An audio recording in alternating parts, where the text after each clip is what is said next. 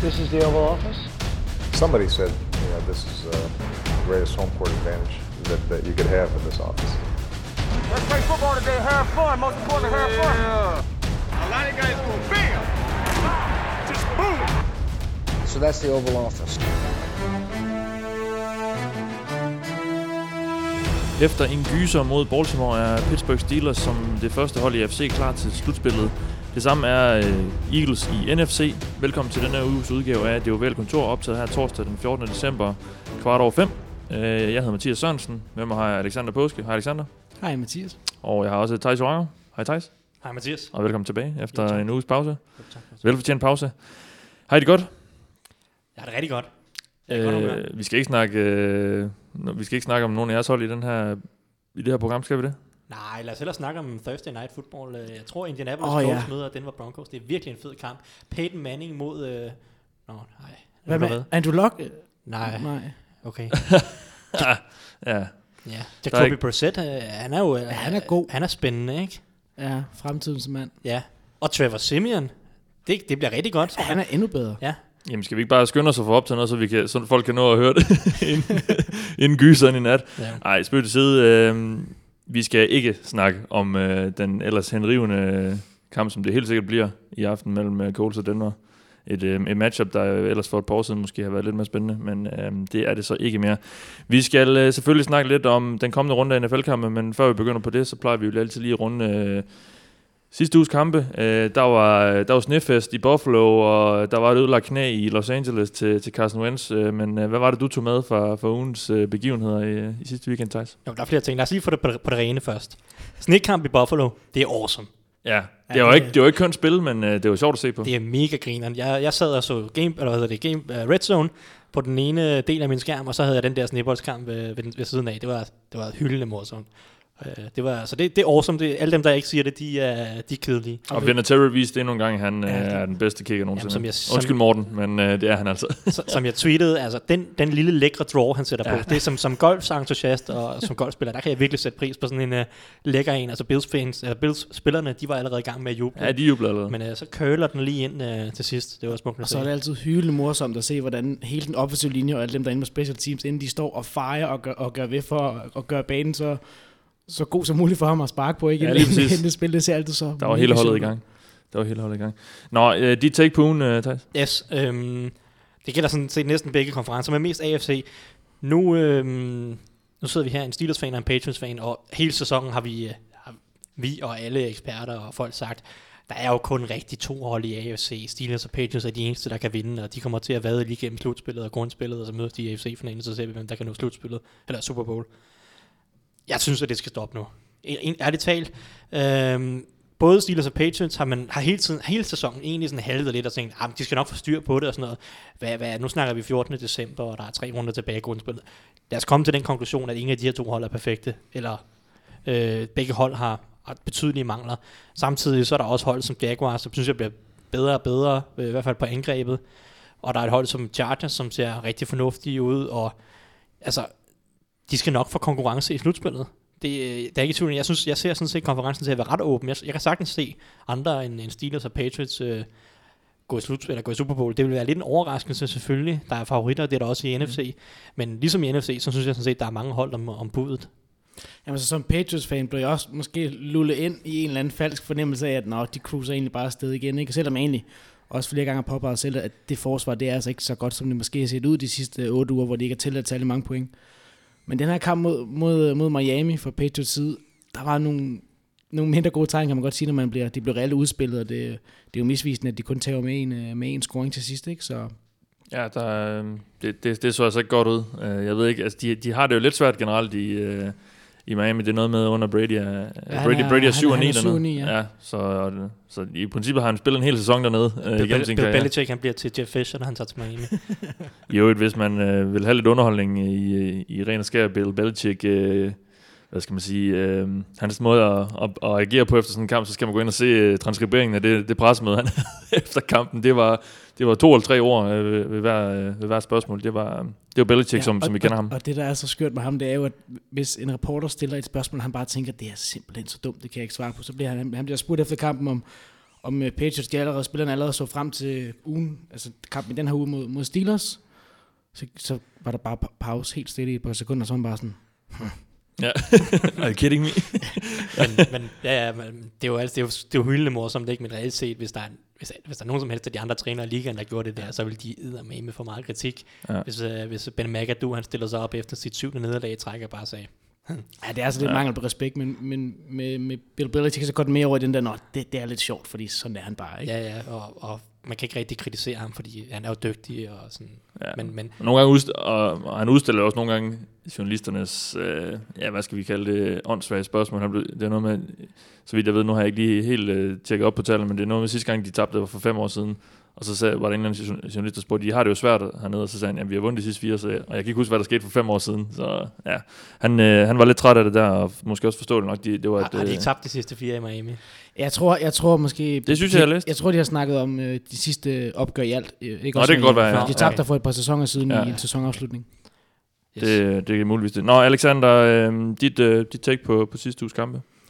Altså, jeg, jeg, på en eller anden måde kan jeg ikke undgå at snakke om Alvin Kamara øh, her nu, hver gang vi, er, vi trækker i det ovale kontor her. Øhm, det var lidt skræmmende at se, synes jeg, at øh, Saints angreb ikke kunne, kunne producere mere, da han, øh, da han gik ud i starten af kampen mod, mod Falcons. Deres angreb hang øh, slet ikke sammen, og det kan godt være lidt svært for et angreb, når man har en masse spil opbygget, hvor, som han er en del af, og så, hvad kan man sige, omstille sig øh, på farten, men, men, men stadig, de præsterer kun øh, lidt over 300 yards mod et Falcons-forsvar, der ikke er, ikke er videre imponerende. Så det er egentlig bekymrende fra min side, at hvis, altså nu kan jeg så se, at de nok er kommet til at han er nok allerede klar her i weekenden, ikke? men hvis de på 6 skulle komme til at misse ham, så svækker det deres hold betragteligt, og det, det, det, det er lidt et bekymrende tegn. Ja, og han, han fik jo en masse bolde allerede på, på det første drive der, og, og fik så det her ja, slag til hovedet og, måtte så udgå. Ja, de gik lidt i stå, men omvendt så kunne man sige, at de har også Mark Ingram, de kan sætte ind, og de har også en, en masse gode receiver, og de har Drew Brees. Så det er jo heller ingen undskyldning, at, at man bare går i stå, fordi man mangler sin rookie, øh, sin rookie running back, er det det? Nej, nej, det, kan man sige, det er også et argument for, at, at jeg har svært ved at forstå, at man ikke kan omstille sig hurtigere, når man stadig har en masse våben, og man har en rigtig god quarterback, du har en rigtig god running back i Mark Ingram, der virkelig har øh, bevist sig i år ikke? På, på et rigtig, rigtig højt niveau. Michael Thomas til at som en dyb trussel. Øhm, Så de har rigtig mange gode våben, og de har også en, en rigtig, rigtig god offensiv linje, der tillader meget få sacks og beskytter Drew Brees rigtig godt. Lad os gøre det, vi er sat i verden for. Lad os kigge frem mod øh, ugens kommende kampe. Og øh, ja, lad os bare få den øh, på bordet med det samme, så vi kan få det overstået, og vi kan komme videre. Må, må jeg starte med en lille rant? Ej, ja, skal jeg lige præsentere, at, at det selvfølgelig er Patriots mod øh, Steelers, vi lige skal, skal snakke om her. Enkelte af vores lyttere har, har øh, hvad skal man sige, øh, opfordret os til at tage den i vores øh, segment, hvor I skal argumentere mod hinanden. De har opfordret mig og Alexander til at tage boksehandskerne på, Ja. og så, øh, så stå og argumentere mod vores eget hold. Ja, lige præcis. Øh, Du skulle, uh, Thijs, skulle argumentere for, for Patriots. Og, Det skal, og, det skal jeg nok komme til at gøre. Ja, så, men, men vi skal selvfølgelig snakke Patriots Steelers. Det er de to, øh, to bedste hold i AFC. Øh, I hvert fald, øh, ja, både, både når, på det spil på banen, men selvfølgelig også ud for, for record. Det er første og andet seed lige nu i, øh, i AFC øh, Pittsburgh nummer et. Øh, og, og I to er jo fans af de to hold, Alexander for, Patriots og, og, og Thijs af, af Steelers. Men skal vi ikke prøve at holde det lidt objektivt, øh, hvis vi kan? Øh, det ved jeg godt, det, det kan være svært, men... Øh, Nej, det synes jeg faktisk ikke er så. nej, okay. Men jeg synes, jeg synes ofte, det er nemt at, at se problemer i sit ens eget hold. hold, Ja, det kender jeg, øh, det kender jeg ret godt selv. Ja. Problem, Som- forskellen for dig er bare, at alle andre også ser problemer for ja. Ja, lad os bare tage det sidste uge. Ikke? Var det ikke Patriots Steelers, vi skulle snakke om? Godt. Jo, okay. Men jeg vil bare starte med Thijs. en rant om, at alle de her... Altså, der er så mange folk, der ligger alle mulige mentale faktorer og alle mulige tidlige kampe, og Steelers har tabt de sidste fire, så de kan ikke tabe til Patriots. Og Patriots, de tabte i mandags, så de kan ikke tabe to kampe. dig. det kan jo ikke lade sig gøre, vel? Og jamen, det er primetime, og Patriots og Belichick og sådan noget, de, de er jo ekstra motiveret i primetime, og Steelers, øh, de har vundet 8 i træk, så nu er de bare flyvende, så nu kører de bare videre, de kan ikke blive stoppet og sådan noget. Alle de her mentale ting, de kommer ikke til at spille en rolle. Begge hold er fuldstændig klar over, hvor vigtig en kamp det her er, og begge hold skal nok være fuldstændig klar mentalt. Det hold, der vinder, er det hold, der laver den bedste gameplan, det hold med det bedste talent, og det hold, der eksekverer, eksekverer den her gameplan bedst muligt. Det er dem, der vinder kampen. Det er ikke fordi, at uh, Steelers ikke kan vinde kampen. De har, begge hold har en chance for at vinde. Begge hold er gode hold, talentfulde hold. Øhm, de har begge to en chance. Det er bare Ja. det. Og og der er ikke alle mulige mentale, psykologiske, pseudovidenskabelige øh, mærkelige faktorer, som er opfundet sådan her i løbet af ugen, som, som kommer til at afgøre det. Det er en dejlig åben kamp. Dejlig, dejlig åben kamp. Det, Godt. det er en kamp, vi har, vi har set Du frem ved, til i mange Det er, en- det er en øh, helt åben kamp, som, som Patriots vinder til sidst. Selvfølgelig, ja. Nej, Ej, det, øh. dit hold har jo faktisk vundet, uh, Thijs, øh, de sidste, hvad, 3-4 kampe på et, uh, på et kick-off til allersidst. Eller på et, uh, field goal til allersidst. Absolut. Steelers har vundet nogle meget, meget, meget tætte kampe på det seneste. Øh, Nok også lidt for tætte i forhold de til deres tre modstandere, kampe med syv point øh, kombineret eller til Ja. sammen. Så ja, ja, de har også været lidt for tætte, men vi skal nok komme til at snakke om, om alle de her forskellige faktorer. Men, men ja, altså det er en mega stor kamp. Det er måske den største kamp i det her årti, hvis man kigger på, hvor sent den spilles, og hvis man kigger på records, og hvis man kigger på slutspilsimplikationer øh, i forhold til, til seeds og første seed, der skal gives ud. Øh, Ja, fordi den kommer jo formentlig til at afgøre, hvem der, hvem der har hjemmebane i det, Det- meste af slutspillet. Det er nemlig sandsynligt. Steelers er, Steelers er 11 5, Patriots er 10 3. Men vinderen vil selvfølgelig have øh, tiebreakeren Tiebreaker. over. Hvis Steelers vinder, så er de øh, sikret minimum anden seed i AFC. Så kan Patriots ikke nå overhælde dem. Præcis. Hvis Patriots vinder, så... Øh, altså begge hold har rimelig overkommelige kampe i de to sidste runder. Steelers har Texans og Browns, og Patriots har øh, Bills og Jets. Er det ikke sådan Jo, der? på hjemmebane. på hjemmebane. Så man må antage, at begge hold, hvis de har noget at spille for at vinde de to sidste kampe, så det er den her kamp, der kommer til at afgøre, hvem der slutter forrest af de to. Så er der en, Jack, så er der, så er en Jacksonville Jaguars, der også kan, kan gå ind og drille de her hold, hvis, der, hvis de vinder deres tre sidste kampe og så videre. Men det her, det er en af de største kampe i det her årti, øh, hvis man bare kigger på, på records og, og, og betydning for sæsonen og slutspillet, der, der, kommer, der er på vej. Ja. Godt, så er det øh, på plads. Lad os, lad os dykke lidt mere ned i det, fordi vi har, nu har vi så valgt at, at snakke om det under det her øh, matchup-segment, som, som vi starter med. Alexander, hvad er det så for nogle ting, der bliver afgørende i den her kamp? Øh, det, er jo, det er jo to hold, øh, ja, to rigtig gode quarterbacks, øh, måske den ene, øh, Det er Tom de to Brady. quarterbacks, der kaster flest yards, flest yards i ligaen lige nu. Ja, også det. Øh, det er ikke siden 2001, at det skete på så sent i sæsonen. To hold, der har nogle meget erfaring, øh, erfarne træner osv. Men Alexander, hvad, hvad er det for nogle, for nogle ting, som du tror bliver udslagsgivende i den her kamp? Jamen, jeg er rigtig spændt på for første gang med mine egne øjne at se, hvad Patriots skal gøre, når de både skal håndtere Bill, Brown og, og, og Big Ben, ikke? Øh, Og, og Martavis Bryant også, hvilken rolle han så kommer til at spille her. Juju. og Og Juju, selvfølgelig. Så, så de har simpelthen så meget, så meget firepower, du kan bare se, at hver gang de har, de har haft leveret en dårlig kamp, så har du bare Antonio Brown, der leverer det ene klot-spil efter det andet. Øh, til allersidst har han gjort ekstra antal gange i, i træk nu. Du kan jeg bare sad, gå ind og tjekke... jeg sad og talte det lidt op på Twitter. Twitter, på Twitter, og at, at nærmest øh, syv ud af de her 13 kampe har han formentlig, altså har han været den primære grund til Steelers vinder, på grund af et eller andet stort spil, som har flyttet dem i field goal range, eller scoret touchdown, eller, eller gjort det ene eller det andet.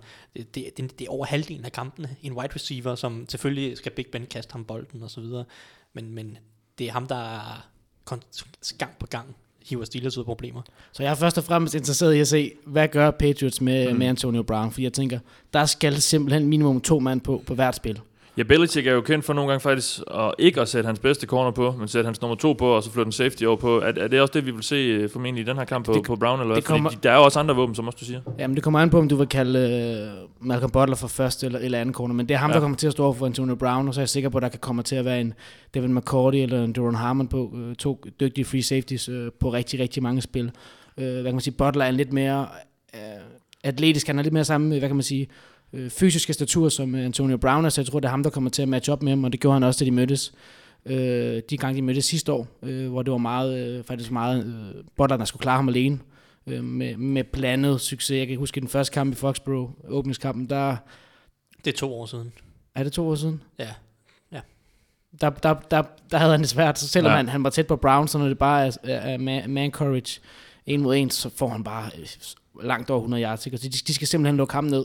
Og så er det, men så er det jo samtidig den balance med, at hvis du smider to mand på ham, så, øh, men, men så ikke, at, at Steelers, de, de ofte vil løbe bolden, og der har Patriots også vist det senest mod Dolphins, at hold op, en Kenyan Drake, der bare kan, kan gøre, hvad der passer ham, ikke? Hvad kan Le'Veon Bell så gøre? Så det bliver også et rigtig interessant matchup, så de har, de har mange skader. Patriots, nu får de måske en, en Trey Flowers og en Calvin Nøje tilbage, men det er så mere i forhold til, til, til pass rush og, og opdækning i, i kastespil, ikke? Så, ja. ja. så de mangler noget, fysisk styrke, Alan Brands, deres defensive tackle, store øh, dreng, han var heller ikke rigtig, han var også øh, småskadet Han- mod, han mod, mod Dolphins, han er formentlig med igen. Okay.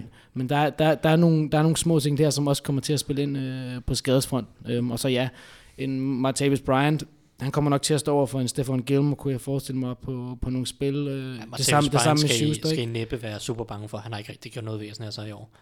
Men i forhold til Malcolm Butler, som også du siger, han, han får nok en hovedrolle i forhold til Anthony Brown. Han har jo ikke, Butler, haft øh, den sæson, man måske havde håbet på, eller han selv håber. Han, jeg så også en, en, en overskrift her, jeg tror det var en, faktisk enten i dag eller i går, om at han var på udkig efter en, en, en oprejsning i den her sæson. Det er vel ikke lige den her uge, men man skal håbe på at få det mod, øh, mod Anthony Brown. Nej, jeg håber virkelig for ham, at, at han får noget hjælp, fordi Antonio Brown han har været på toppen og, over de seneste fem sæsoner, ligaens bedste receiver, så kan du argumentere for, for Julio Jones og hans fysiske øh, potentielle og talent, men der er jo ikke nogen, der har været bedre end AB de sidste fem år. Og, der, og han har vel heller ikke spillet bedre, end han gør nu, hvor han bare har så meget erfaring og simpelthen ved, hvad han skal gøre i, i alle situationer, og er så klog og, og dygtig en spiller, så, så jeg var bange for, at hvis man bare et spil kører mand mod mand, så, så kan du ende med at tabe kamp på det. Øhm, så ja, det, det, det er jeg rigtig spændt på at se. Øhm, og så i forhold til, i forhold til, til Brady, han er ikke blevet beskyttet særlig godt i år. Øhm, og Steelers, de, de er faktisk rimelig dygtige til at kreere det her pass rush, som også bliver meget afgørende, fordi Brady han har vist mange gange, at han kan skille den her, det her zoneforsvar fordi han har tålmodigheden til at tage de her små spil. Og hvis det tager de 15 spil, de 15 plays ned ad banen, så er han også villig til at levere de her lange drives, fordi han har tålmodigheden, og han har det her skarpe fokus. Men det kræver så også, at han får tiden, øh, og det er der, som, som Steelers, hvad kan man sige, forsvar ligger på forsvar, det er at lægge pres på quarterbacken, for deres secondary, den er ikke særlig god. Øh, hvis vi lige hopper lidt tilbage, jeg vil godt lige holde lidt fast i det her med Brown, fordi det, det bliver jo nok det, der, der også er Belichicks fokus øh, i den her kamp. Thijs, Antonio Brown, kan han, han, han lader sig vel ikke stoppe af at, at have to mand på sig? Nej, men det, det gør han jo ikke, det har han vist i år. Øh, men Alexander har ret, altså der er også et andet scenarie, det er, at Stefan Gilmore får lov til at, få lov til at dække ham op, fordi Gilmore har været bedre på det seneste. Har spillet godt de sidste 4-5 uger for Patriots, så, så det vil være det andet scenarie, det er, at han får lov til at prøve. Men du kan ikke dække Antonio Brown op med en mand. Det er selvmord. Du, du så det med Brandon Carr, ikke? Du så det med Brandon, altså Ravens, de, øh, de, de er gået over til at bruge meget single high safety, enten cover 3 eller cover 1, og det efterlader Brandon Carr alene med, med Antonio Brown i, i løbet af sådan en kamp øh, nogle gange, og det bliver bare straffet. I en 3-4 gange øh, bliver han bare brændt af Antonio Brown, og, og det, det er ligesom er forskellen på et hold som Steelers og, og Brown øh, og Bens connection kontra et hold som Falcons og Julio og Matt Ryans connection. Hvis, e- hvis, hvis, hvis øh, Ben Roethlisberger ser øh, Antonio Brown single covered, så kaster han til ham hver gang. Der er ikke nogen, der er ikke nogen tøven. Han siger bare, Antonio Brown han er den bedste receiver i ligaen. De har kun en mand til at dække ham op. Han får bolden. 9 ud af 10 gange.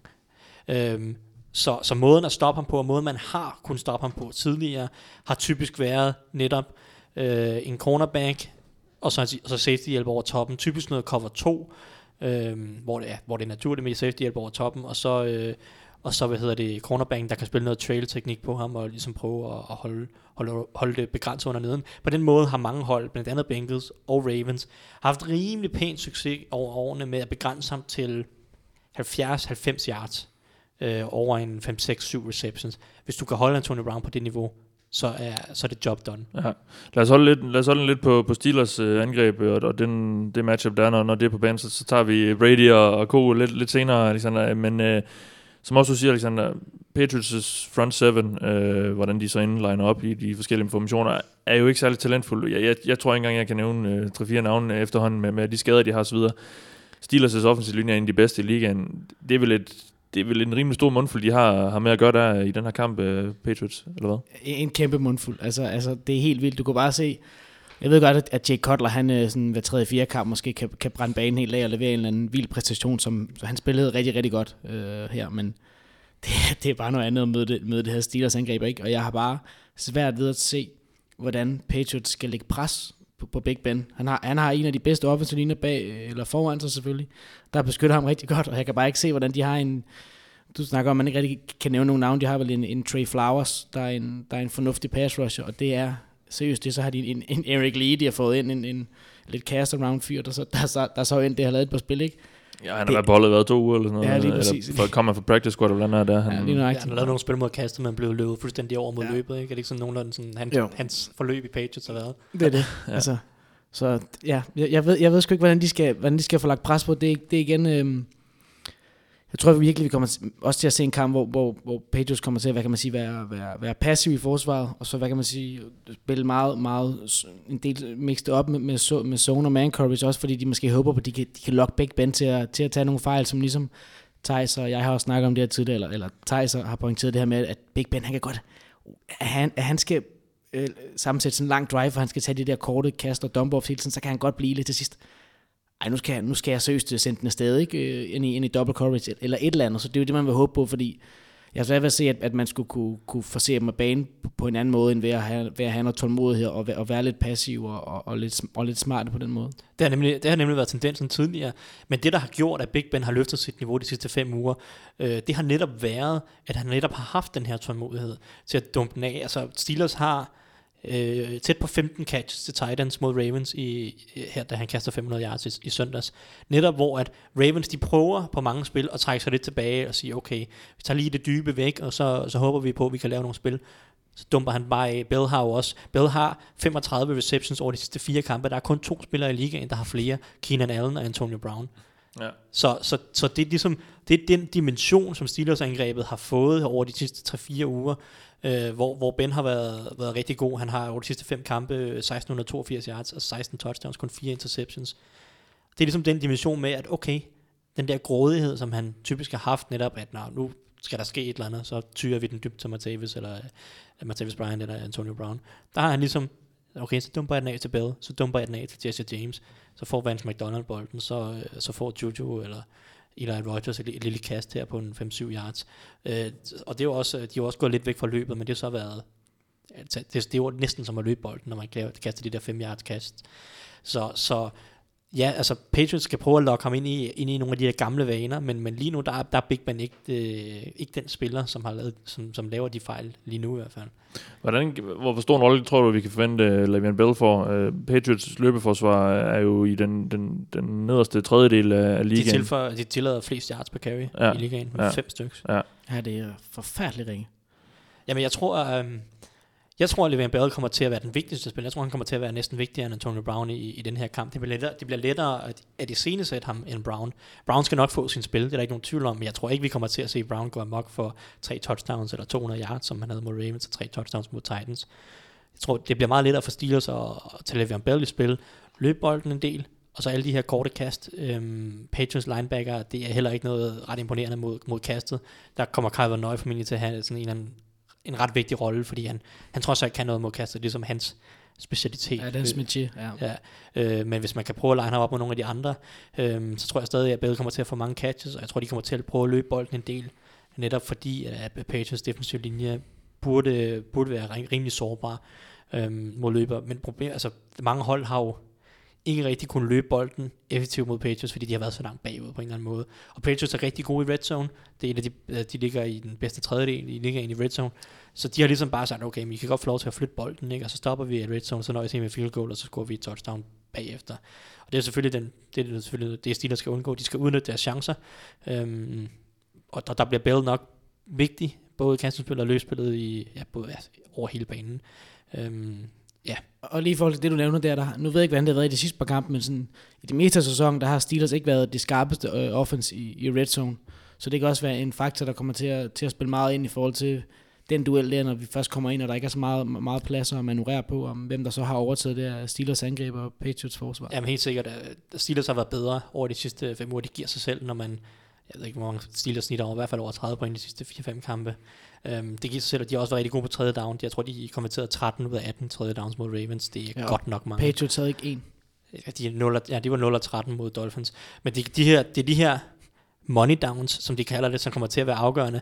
Fordi i sidste ende, så bliver det her to angreb, der kan flytte bolden meget. Og det kommer til at være to angreb, der scorer mange point. Og det kommer til at afhænge af, hvilket forsvar kan lave nok spil, eller ligesom begrænse modstanders angreb til bare omkring 25 point. Jeg tror, hvis man kan holde modstanders angreb på 25 point, så vinder man kampen, fordi med al sandsynlighed, så scorer et af angrebene over 30 point. Øhm, så, så det kommer til at være tredje down, det kommer til at være red zone, der kommer til at være meget, meget afgørende for begge hold. Øhm, ja. Gronk var ikke med øh, i mandags mod, øh, mod Dolphins. Øh, er han bare nøglen til det hele, og så kommer det tilbage, og så er alt godt igen, eller hvad, Alexander? Nej, han er, han er ikke nøglen til det hele, men det er klart, det er en, det, det er et klart bedre angreb, øh, når han, han er har været Bradys bedste ven i, i mange år Det nu. har han været i rigtig, rigtig mange år. Og han har, når Edelman ikke er med. Ja, det er ja. det. Øhm, har manglet det tydeligvis. altså, hvis vi hurtigt skal gennemgå den Dolphins-kamp, så var det bare en kamp, hvor der ikke var noget, der, der fungerede øh, for Patriots. Øh, hverken på angrebet, der ikke kunne beskytte Brady, der receiverne kunne ikke gribe bolden. Øh, Xavier Howard var lige pludselig en, en all-pro cornerback, øh, lukket, lukket fuldstændig ned og, og snuppede bolden to gange øh, for Brady på egentlig, egentlig fornuftige kast. Øh, og forsvaret kunne så ikke stoppe øh, Jay Cutler og, og Kenyon Drake der. Så der var, der var bare ikke noget, der fungerede. Der havde været lidt mandefald nu, men Gronk har selvfølgelig en rigtig stor betydning øh, på det her angreb øh, ind over midten. Øh, det bliver spændende at se, hvem der egentlig skal, hvem der sådan skal, skal dække ham op. Øhm, jeg kunne, for, have, jeg kunne have forestillet mig, at Jay Sears skulle have gjort det på nogle spil, fordi han er, han er, han er så atletisk, så han, han vil være dygtig i at kunne, og kunne måske tage kampen lidt op med, med Gronk. Det bliver spændende at se, hvem, hvem der nu skal, nu skal, nu skal gøre det. Ikke? Um, jeg det, ved ikke, om, det er jeg ikke engang sikker på, at de selv ved lige Nej, om det er en Vince Williams, eller... eller det håber jeg ikke. Ej, der, er ikke nogen, der, er ikke, der er ikke nogen, jeg håber, som... Altså, Gronk, bliver, Gronk har jo altid været god mod Steelers. Det er jo ligesom hans favoritmodstander. Han snitter nærmest næsten 100 yards og, og jeg ved ikke, et touchdown per kamp mod Steelers. Øh, og, og der er ikke nogen, der kan matche op mod ham lige nu. Det, Steelers linebacker-situation er, er noget rod. Det er noget værd, værd juks efter Chelsea, at han gik ud. Vince Williams er en fin spiller, mest mod løbet. Han er ikke god mod kastet, han er lidt en tung linebacker. Dem, de har prøvet at hente ind, de har hentet Sean Spence ind fra gaden. Kaster ham direkte aktion. Han var elendig øh, mod Ravens. Det, han vil formentlig være bedre med en uge ekstra, det er, det er klart, men... Ja Øhm, Men det er også en lidt anden, ja, det er også en lidt anden quarterback ja, ja, Mr. Præcis. Flacco. Og, og, så det andet alternativ var Arthur Motes, som jo egentlig er outside linebacker, men som ah, men han har spillet noget inside linebacker tidligere i hans karriere, så nu er han blevet 30, så nu er han selvfølgelig endnu bedre, eller noget. Men altså, ham og Spence del øh, linebacker-positionen, og jeg ved ikke, om de bliver to, eller om de prøver LJ Ford, som som udgangspunkt er lidt mere atletisk, men ikke har været en spiller, de tidligere har stolet på på forsvaret eller om de vil prøve at, at bruge TJ Watt i en eller anden forstand. Fordi TJ Watt er, han er atleten, der kan ja. gøre et eller andet. Han kan ikke følge med Gronk 30 yards ned ad banen, det kan han ikke. Men på, på et korte kasteruter vil han kunne gøre noget, og, og, og TJ Watt er den outside linebacker, den edge spiller ligaen, der, der dropper mest i coverage, så det er ikke, det er ikke noget omvæl, nogen omvæltning for ham. Han har været dygtig i opdækning i år. Så spørgsmålet er, om de vil dobbelt op, altså mandsopdække, dobbelt opdække, øhm, Gronkowski med TJ Watson under neden, man skal sige, så han har flatten, han har nogle af zonerne under neden, og så prøver at hjælpe med en safety over toppen, for eksempel Sean Davis har tidligere øh, ageret tight end opdækker øh, med meget blandet succes, så, så måske kan man, kan man se, at det bliver, det bliver formentlig ikke kun de to, det kommer til at være en variation af spillere, og de vil prøve på alle mulige måder at, at variere det.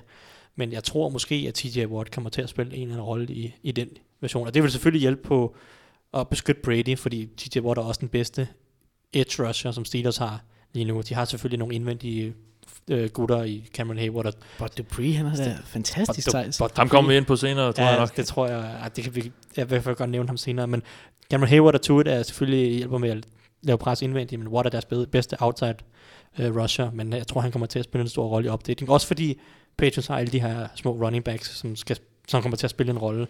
Øh, fordi det er jo også et matchup. Patriots running mm. back mod Steelers linebacker. Mm. Jeg har lige siddet og nævnt, at der er ikke rigtig nogen af Steelers linebacker, der kan noget i opdatering. For den satan stopper vi så James White og Rex Burkhead og, og Dean Lewis. Og Dean Lewis. Og ja, der er nogle kæmpe matchup-problemer der for Steelers. Ja, fordi er, det er vel der, de, de kan ramme dem. Øh, jamen, hvis Tyson ikke har snakket videre så lang tid, så kunne det være, at jeg kunne få indført min pointe med de running backs der. Det må du vente til, tror jeg. Nej, men lige netop det, Tyson, du også nævner, det er jo ikke bare Gronk, de skal stoppe, det er jo også de her, de her running backs, som Brady han er så fremragende til, til at finde i de her på de her små ruter ude i flatten og wheeler routes øh, og så videre, ikke? Så det bliver en stor udfordring. Det er især det, som, øh, noget, som Steelers forsvar skal løse, og så udover det, så ser jeg også bare, at, at Patriots, de har nogle, altså de har nogle, nogle fine receiver, receivers i Chris Hogan og, og Danny Amendola nogle, og det er ikke fordi, at de cornerbacks, som uh, Steelers ligger inde med, de er, de er specielt prangende. Nu kan jeg ikke huske, hvordan status er på, på Joe Hayden, om han... Det, uh, det finder vi nok først ud af i aften, eller det vil sige torsdag aften, så sidder vi heroppe. Så han trænede med i går på begrænset basis, Øhm, men altså mit gæt vil være, at han ikke spiller, tror jeg. Jeg tror, det er lige tidligt nok bare at kaste ham direkte i aktion. Øhm, han havde den her fraktur, som har holdt ham ude i, i fire uger. Jeg tror, han, han får en uge mere på, på bænken. I forhold til Gronk, så er jeg spændt på at se, nu var han jo han var frustreret sidst i Buffalo og lavede den her kæmpe idiotiske dumhed mod Tredavious White, som havde lidt godt fat i ham. Det bliver spændende at se, også, hvad tillader dommerne her i John Davis. Øh, der er en lidt fysisk safety, og, og godt til at holde fast, hvor, hvor meget tør han, og, eller hvor meget giver dommerne lov til her. Og, ja, og Steelers og, vil vel nok også, efter at have set det i Buffalo, netop gå til ham. Ja, de vil prøve, de vil prøve at tire ham. De ved ja. godt, der, der, der, kan ligge noget der, og, og Gronk han er, han har ikke helt den, den samme fart som tidligere, så nu har han også begyndt lidt mere at, at lave de her hvad kan man sige, stiff arms, eller hvad hedder det, Push. offen, offensive PI, Ja, hvor, hvor, hvor han skubber push-offs. af, ikke? Ja, det gør Antonio. Brown også. Det er, altså en, det er en kunst i sig selv. Antonio Brown, han, Ja. han har lavet også push-off på Jeg, alle spil. jeg kan huske Randy Moss i rekordsæsonen der i 2007. Altså, jeg tror, øh, halvdelen af de der 23 touchdowns, eller hvad der han hævde ind, det, det var på en, en lille bitte push-off i endzone. Ja, men det er det der med, at man kan gøre det uskyldigt nok, Ja, ja. Og, og gøre det tilfældigt nok, sådan at at det nærmest foregår i løb. Bare lige skabe sig de her 20 cm ekstra. Øh, det gør en kæmpe forskel. Apropos det der med dommerne, hvor meget de tillader. Jeg mener, at dommerne er Tony Corrente, som, er, har, som hvad hedder det, kaster allerflest flag i hele ligaen i den her sæson. Åh. Oh. Oh, nej. Så, Ej. Hvorfor skulle du sige det? Der er nok gode flag på det stadion i forvejen. Så.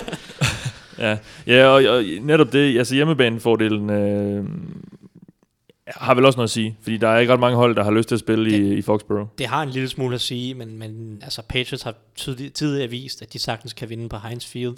Så jeg tror igen, det kommer til at have en begrænset indflydelse, ligesom, Ja. ligesom nogle af de andre faktorer. Men det er værd at nævne, at du snakkede vi om det her, du, du startede med, altså, for, jeg ved ikke, 100 år siden, da vi begyndte det her segment, øh, der, der startede du med at sige, at Patriots de får endelig lov til at møde Antonio Brown, Le'Veon Bell og Big Ben sammen. Det har de ikke gjort, Mm. øh, praktisk talt hele. 2015, som åbningskampen, som du snakkede om, der var Le'Veon Bell ikke med på grund af en karantæne. 2016 spiller de i grundspillet, der var Big Ben ikke med på grund af en skade. Det var Landry Jones på Heinz Field. AFC-finalen, øh, Le'Veon Bell bliver skadet på... Det øh, første drive, Ja, jeg mener, det var, det var andet drive eller noget. Det var i hvert fald meget tidligt i første quarter. Øh, og Martavis Bryant har aldrig spillet mod Patriots, og Juju Smith-Schuster, han er rookie, så han har heller aldrig spillet mod Patriots. Patriots har ikke skulle stoppe den her træning. Vance, Vance McDonald har heller ikke spillet med Patriots for, Nej, for Steelers. Nej, nej, han, være han, navn, er, ja. han er sikkert skadet. Sikke en kanin, de kan han, er- han, han er sikkert skadet den her uge. Han, Ja. han fik en skulderskade i, mod Ravens. Men, men det, er bare, det er bare noget, man skal forholde sig til. Og den sidste gang, at, at Big Ben mødte Patriots på Heinz Field, det var i 2011. Alle de andre kampe har enten været uden Big Ben, mm. eller, altså, eller altså i New England. Så, og, der, og der vandt Steelers i 2011, så det har selvfølgelig, det, det er en fordel for Steelers at være på hjemmebane, det kan der ikke være nogen tvivl om. Jeg tror ikke, det kommer til at betyde det helt store, men, men jo, en, en lille smule. Godt. Har vi været omkring det hele? Nu tror jeg, vi har brugt en, en 20 minutter på det, eller 20-25 minutter. Skal, skal jeg lige få på det rene, at øh, jeg tror, at Patriots vinder, fordi jeg tror, at, ja. at de har bedre chancer for at stoppe Steelers angreb, eller ikke stoppe, begrænse Steelers angreb, end Steelers forsvar har for at begrænse Patriots angreb. Øh, hvis, altså, Ravens scorer 38 point, Joe Flacco scorer 38 point mod, mod Steelers forsvar. Det, det sejler lige nu. Ja. Øh, bagkæden uden Joe Hayden, linebackergruppen uden Chase der, der er bare noget, jeg tror måske, at Steelers forsvar vil være bedre i slutspillet, fordi så har de haft nogle uger til at ligesom finde ud af, hvordan erstatter vi Shazier, og de får Joe Hayden tilbage til den tid. Men lige nu er der bare nogle spillere, som de mangler rigtig, rigtig meget. Hvad tror du, øh, Alexander? Du skal jo sige Steelers nu, så, så er alle gode venner, og så... nu lægger du den der presbold over på mig, ikke? Og hvor vil jeg gerne sige Patriots. Men jeg... jeg, jeg Er det frygten for, er det frygten for Jinx, eller hvad? Ja, det er det lidt. Men øh, nu, Nu, nu, har- nu, har- nu, har- nu, Elving har- allerede jinxet Steelers ved at lægge Ja, er nummer 1 på målet. nu har jeg været lidt provokerende på Twitter og sagt, at Patriots vinder, så det, det holder jeg fast i, men det bliver, jeg tror, det er plus 30 point for begge hold. Øh, de her forsvar, de, de, de kan ikke stoppe dem, så det handler om en eller to øh, enkelte spil eller, eller serier, øh, hvor, det, hvor et forsvar de lige får lavet et stop, eller, eller et turnover, der bliver meget, meget Det afgørende. er samme som Steelers, de vandt 39 over 38 over Ravens. Ravens scorede 17 point i tredje kvartal. I fire kvartal, der får Steelers to stops, og så, de, så kan de lave comebacket, og det bliver sådan noget, kan et af forsvarerne lave et stop, og det andet angreb udnytte det hurtigt, så kommer der nogle, nogle store momentum sving, og altså, det bliver to angreb, de kommer til at gå stroben, øh, Ja. altså stroben fra første drive af, fordi de ved godt, at hver eneste touchdown kommer til at være rigtig, rigtig afgørende, øh, og, og der skal mange, mange af dem til, så det kommer ikke være, til at være sådan noget konservativt med, nej, okay, ja, ja, okay, vi fik ikke, øh, vi fik ikke, øh, no, vi fik ikke noget touchdown her, nu ponder vi den bare. Eller, altså, der kommer, jeg håber i hvert fald, at begge hold er meget, meget aggressive fra alt inden for modstanders 40 linje. Ikke noget med at ponde på en, på, På en fjerde kort. nej, på en fjerde kort øh, på modstanderens banehalvdel. Der, der skal altså gås efter struben her. Der skal scores mange touchdowns. Det, det håber jeg i hvert fald. Håber i hvert fald, at det bliver sådan en underholdende shootout, vi, vi får. Skal vi sige, det var i, i hvert fald forløbet de, de sidste ord omkring den her kamp i, Jeg synes, i, er- i denne podcast. Øh, Nu har vi taget rigeligt af, af, folks tid med det, tror jeg. det, det er en god afslutning. Jeg tror allerede, vi, vi, vi er gået langt over tid. Nå, Ma- Mathias, der, der bliver, der, ja. Hvem tror du vinder? Shit. Jamen, du, der er jeg, jeg, kan ikke engang, jeg kan ikke engang være tiebreaker nu. Uh, jamen, jeg synes, når vi har siddet og snakket om det, altså... Jeg synes, Steelers har, ser bedst ud. Uh, jeg tror sgu, det der forsvar, det, det nok skal tage sig lidt mere sammen, end, end, end de har gjort de sidste par uger. Uh, de, de, de har det lidt med at spille ned til, til dårlige hold, øh, Steelers, synes jeg. Så jeg tror, de, de nok skal hanke op i sig selv, og så de der små ting, som en hjemmebanefordel, jeg ved godt, du siger, det, det, det kan måske ikke have så mega meget betydning, men jeg, det, det er sådan nogle små ting, hvor jeg tror, det kan lige godt, at de, de kan hive det der ekstra, det der ene store spil ekstra op af hatten måske. Øhm, og så tror jeg, jeg tror måske Patriots har, har sat sig lidt i, for at de nok ikke får hjemmebane i, i hele slutspillet. Så øhm, ikke at de ikke vil gå efter vinden her kamp, det, det er jeg 100% sikker på, at de vil, men jeg tror, de vil, jeg, jeg, jeg tror ikke, det vil gøre dem så meget, øh, ikke at få det måske. Som, så jeg, jeg tror måske, Steelers vil gå lidt med efter, og også gerne lige vil markere sig. Patriots har ikke uh, vundet en udebane slutspilskamp siden 2006. Nej, men det er måske også noget, man gør, de altid er på, hjem, på hjemmebane. Præcis, præcis. Ja, de, de har ikke spillet nogen på udebane. Nej. Godt, jamen øh, så tror jeg, jeg siger sgu Steelers, så.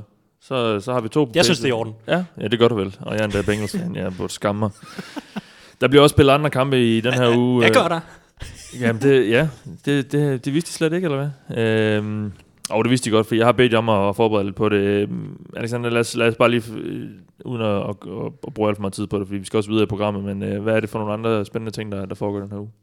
Jamen, et, øh, en kamp, som jeg synes er mere interessant, det ved jeg også, øh, end, end de fleste måske vil tænke, det ved jeg også, at Thaj synes, det er, det er, skal vi til AFC, nej, undskyld, NFC Nord, mellem Lions og Bears, og der er meget spændt på at se, hvad det her, den, det her Lion, de her Lions receiver kan gøre over for en, en, Bears secondary, der faktisk er, hvad kan man sige, under the radar, rigtig god.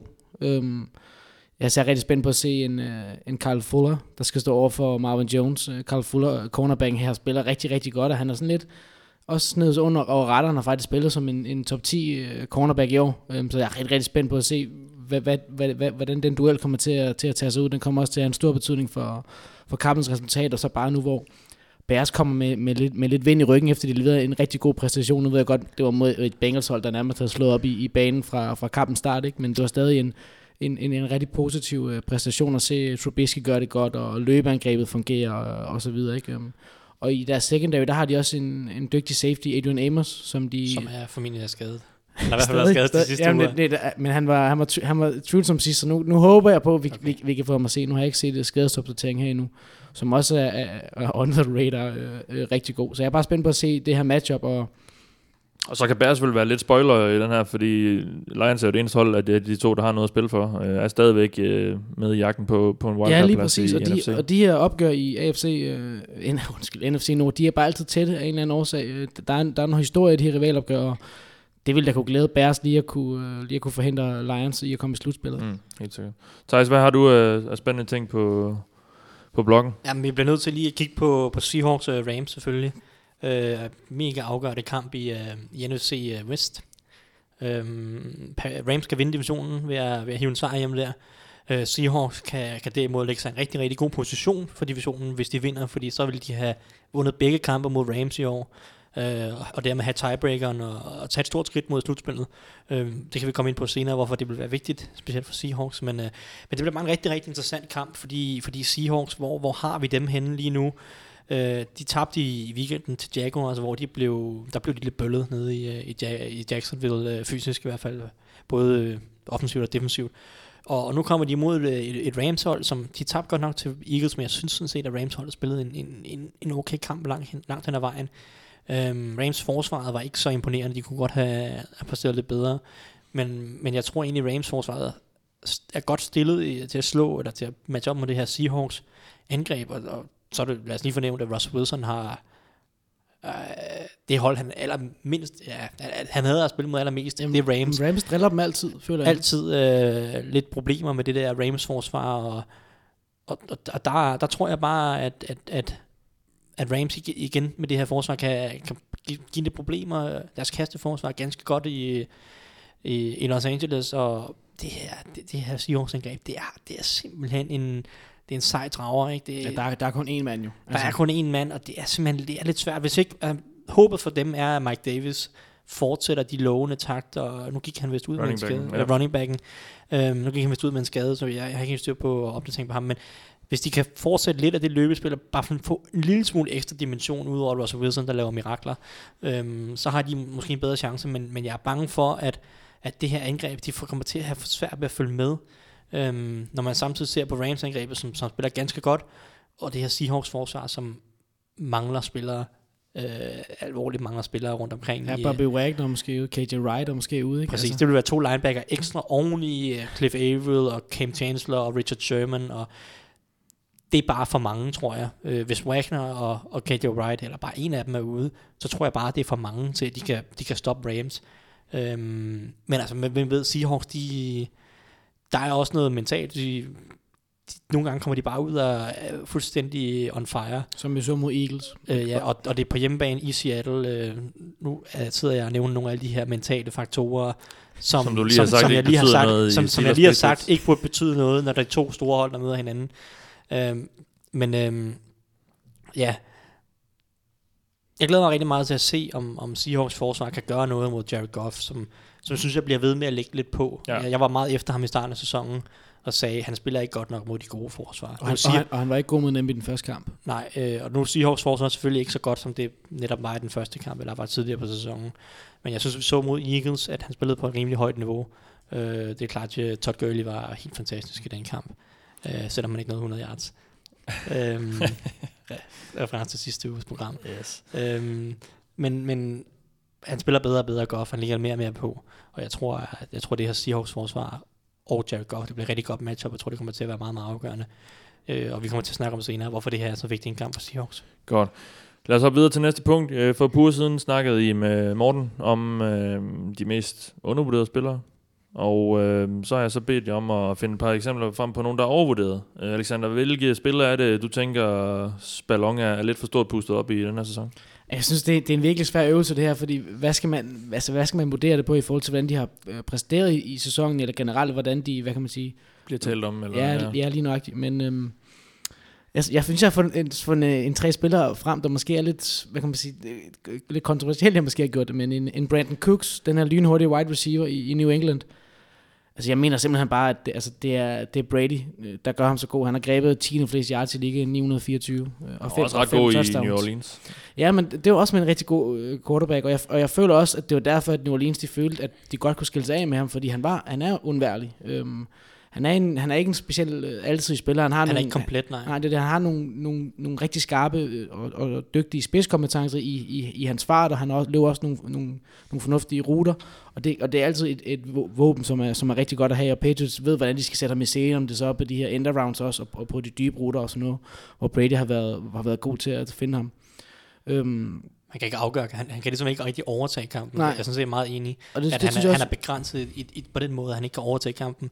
Og, og det er noget, man skal kunne, i hvert fald i en eller anden grad, hvis du er en, en rigtig nummer et receiver, Mm. eller en rigtig top receiver. Og hvis han vurderes nu til, til der er noget snak om, at han er, han er en top 10 receiver nu, eller, eller noget i den duer, ikke? Og, og det er han bare, rækker hans kvaliteter slet ikke til i mine øjne. Øhm, ja, så det er egentlig, det er egentlig derfor. Øhm, en anden, øh, en anden angrebsspiller, det er DeMarco Murray, som, som er meget over the hill øh, i mine øjne. Running Der- back i Titans. Ja, lige præcis. Øhm, han har slet ikke været den samme, som da han for de hvor et par år siden, hvor han gik øh, helt amok i, i Dallas, så jeg ved godt, han er, han er noget skadet og sådan noget, men det vidner måske også om, at, at øhm, det virkelig har været hårdt for ham den sæson der tilbage i Dallas, og, og have de der rigtig mange øh, carries. Øhm, og han er, altså, ikke, han bliver ikke anset som en stjerne running back længere, men han bliver stadig set som en af de, en af de bedre i ligaen, og, og det ser jeg ham slet ikke som, øh, som længere. Han er, han løber slet ikke med den samme power og, og fornemmelse for, hvor han skulle løbe hen, og så ved jeg godt, der kan være nogle ting med, med playcalling, ikke er, ikke er helt god i Titans angreb, men øh, jeg kan bare ikke forstå, at det ikke er Derrick Henry, der har stort set alle snaps i den backfield. Jeg Og så, og så jeg, ved jeg godt, at, at Derrick Henry, han løber på, på kant og på yderside hver gang, Thijs. Ja, men jeg synes nemlig, at Derrick Henry, ja, DeMarco Murray er heller ikke øh, super dygtig, han spiller dårligt i år. Så det er ikke, det er ikke fordi, jeg forsvarer DeMarco Murray. Men jeg synes, at Derrick Henry er ganske overvurderet. øhm, Så begge Titans running backs Jeg har- er jeg har ham ikke med på min det. liste. Det, Det skal nok lade være med det har generelt ikke været øh, et alt for godt år for, for Titans. Præcis, men mit problem er netop, at han bouncer næsten alt ud yderligt. Det er meget fint, så kommer der et highlight-spil en gang imellem. Derrick Henry. Derrick Henry. Ja. Øh, så kommer der et highlight-spil en gang imellem, hvad så med de 10 andre spil, hvor han ikke får noget, fordi han prøver at, at løbe, løbe ud siden. Ja. Han, han, nu så jeg kampen mod uh, Cardinals, øh, jeg skulle se, hvad, hvad i alverden der skete med det angreb. Og, der var han bedre, han havde nogle pæne løber op igennem midten, så det er ikke kun hver gang på ydersiden, men Hans, synes- hans touchdown han på ydersiden. Selvfølgelig. øh, det gjorde han nemlig. Øh, og jeg har overvejet at prøve at se, om jeg skulle gå tilbage og se alle hans touchdowns i NFL, og se, hvor mange af dem, der kommer enten i garbage time eller på ydersiden. Fordi i år, man skal, tænke, man skal huske kampene mod Seahawks, og hvad var det, en eller to uger siden, jeg kan ikke huske modstanderen. Det var Coles også. Coles, ikke? Der er nogle garbage time touchdowns meget, meget sent. Øh, nå, nok om Derrick Henry. Øhm, han er en fin spiller. Jeg synes, han er lille smule overvurderet. Du har et navn mere på din uh, liste, Alexander. Ja, det er, det er mere kontroversielt, fordi han har faktisk en, en, en passer rating, der ligger, der ligger nord for, for 100, og det plejer at være en indikation på, at man er en rigtig dygtig running back, men uh, Quarterback. quarterback, undskyld, undskyld, undskyld. Alex Smith, han er bare, han er bare overvurderet i mine øjne. Altså, han er ikke en, en, en top 10 quarterback, og jeg ved godt, han ikke det er der vel heller ikke nogen, der kalder ham, er der? Nej, jo, det er der. Hvem? Det er der. Det er der. Nej, jeg kan ikke... Nævn 80. Jeg kan ikke... Nej, men det, det er måske også mere baseret på, at, at der føler jeg virkelig, at i forhold til hans statistikker i år, der lyver de bare i forhold til, hvad, hvad, hvad, hvad kan man sige, game egentlig, egentlig viser mig. Øhm. Og nu har han så haft en, en, en rigtig dårlig periode. Jeg føler også, at han har haft nogle kampe, hvor han har været røvheldig med sin kast, som lige så godt kunne være blevet interceptet. Jeg husker blandt andet en kamp mod, mod Raiders, hvor han kaster en dyb bold direkte til en DB, som så batter den op i, vær- i vejret, ikke? og så kan, så kan Albert Wilson løbe den ind for, for et touchdown. Og jeg føler også stadig, at han, han ser ikke øh, banen så godt, og han går ikke ofte nok igennem alle sine reads, så jeg føler også, at han, han stadig ofte, for ofte misser dybe øh, receiver, hvor Tyreek Hill for eksempel er helt fri dyb, hvor han, hvor han slet ikke ser ham. Så jeg føler stadig, at han er, han er en, øh, en overvurderet quarterback, selvom det måske er en lille stretch. Det, er, Thijs. det har jeg jo altid ment, jo. uh, jeg synes faktisk, han spillede okay i år, men, Ja. ja. men generelt. Ja, jeg har tre andre spillere. Stik mig tre navne. Ja, men uh, starter i på Dallas' offensive linje, øh, hvor at, uh, de tre All-Pro spiller. Ej, uh, lad, os, lad os tage en af de andre, uh, udover dem, der har blevet valgt til All-Pro forskellige gange. Lael Collins, højre tackle, uh, blev ligesom skrevet lidt op til, til det helt store. Ja, men altså, de skal nok kunne erstatte Doug Free, som gik på pension. Ronald Leary. Og Ron Average, der spillede så guard, øh, ja, ikke? Men ja, han, han, fordi Lael Collins spillede guard sidst, øh, nogle af de tidligere sæsoner, øh, da han ligesom kom ind i ligaen, så prøvede de ham så guard, så blev han skadet, så kom Ronald Leary ind, så fandt de ud af, at han er sgu ret meget bedre. Øh, men så fik han så lov til at overtage på højre tackle efter Doug Free, og inden sæsonen, der var, der var Cowboys fans, jamen altså, det skal nok gå. Lael Collins bliver en god højre tackle, og vi har de tre andre, som er gode. Så det kan godt være, at der er et hul på venstre guard, men det må vi lige finde ud af. Men, men Lael Collins skal nok være god, ikke? det er altså bare for meget at bede om. Altså, jeg, jeg, jeg ved ikke, hvad, hvad hitprocenten er, men hvis du tager en, en guard, som ikke var god på guard, det var Larry Collins ikke, inden han blev skadet for ja, et par sæsoner siden, og så flytter ham ud som højre tackle. Jeg ved ikke, hvor mange, der mirakuløst er blevet rigtig gode på højre tackle, efter at have været dårlige på guard. Jeg tror ikke, at procenten er ret stor. Øh, så, så den der forventning om, at det skal nok gå, han er god, og han, er, han, han skulle have været et første rundevalg tilbage der, inden alt hans, øh, han blev anklaget for et mor eller et eller andet. Jamen, Han, kan, han, kan, ikke huske... han, han, han, han havde øh, nogle overfjeld. Jeg, kan- jeg kan ikke lige huske, om det var en Så mor. det var sådan noget det, en det uge tror jeg ikke, men... Ja, det var et eller andet, jo, jeg mener, det, Det, det var, i forbindelse det var, med, han skulle afhøres i forbindelse med et mor. en, ja, med et mor Ja, eller et okay. dødsfald eller noget, som der, det kom frem en uge eller to før draften, ikke? Og, Så var der ingen, der tog røre ved ham. så var der ikke nogen til at røre ved ham, og han, han bad jo alle hold om at ikke at drafte ham. Og så tegnede han med Cowboys og lavede den her aftale, han fik jo forlænget sin kontrakt inden sæsonen. Ja. Han lavede netop den her aftale med, at efter to år, som når du bliver undrafted free agent, så kan du forlænge efter to år.